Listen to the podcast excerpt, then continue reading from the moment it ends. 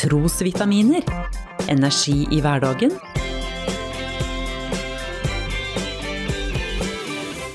Ved Norea-pastor Svein Anton Hansen.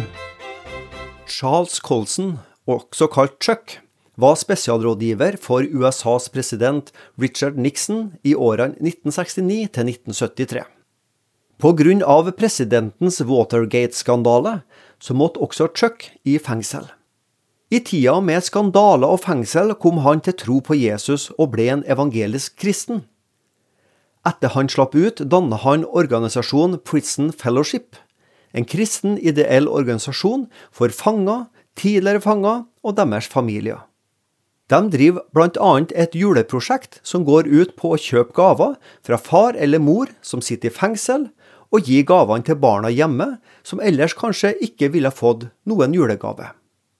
Charles Colson forteller om en opplevelse han hadde en dag han var på vei for å gi gaver til en fattig familie i byen Washington DC.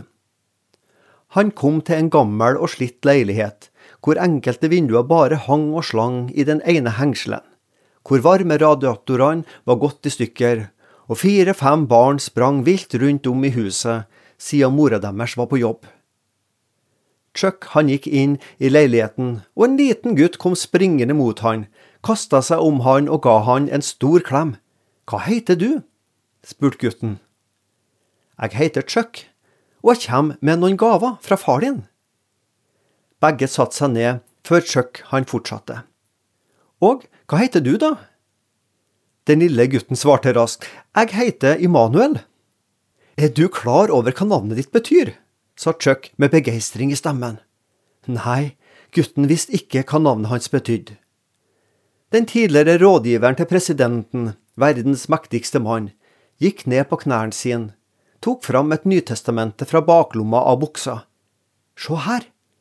Navnet ditt, Immanuel, det betyr Gud er med oss.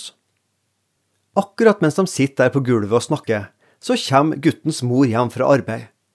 Gutten han kommer seg raskt på beina. Han springer fort mot mora mens han roper høyt Mamma, mamma, Gud er med oss, Gud er med oss! Chuck forteller i ettertid at da han litt senere gikk ut av denne slitte leiligheta og vandra nedover den kalde og snøfulle gata i Washington DC, så kunne han fortsatt høre guttens stemme og ord klinge i ørene sine. Gud er med oss, Gud er med oss.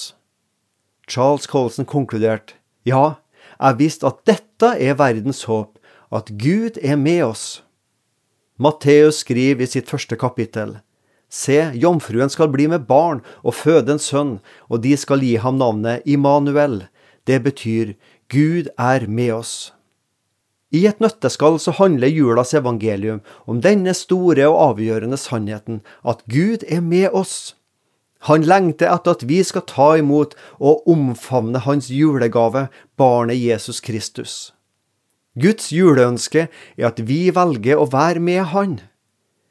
Det fins ikke noe annet tidspunkt som er bedre enn akkurat nå, denne jula, til å ydmyke seg og ta imot gaven og bli Guds barn.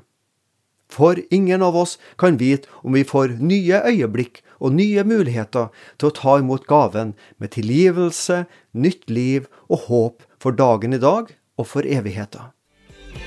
Du har lyttet til Trosvitaminer med Norea-pastor Svein Anton Hansen. Du finner trosvitaminer på noreapastoren.no.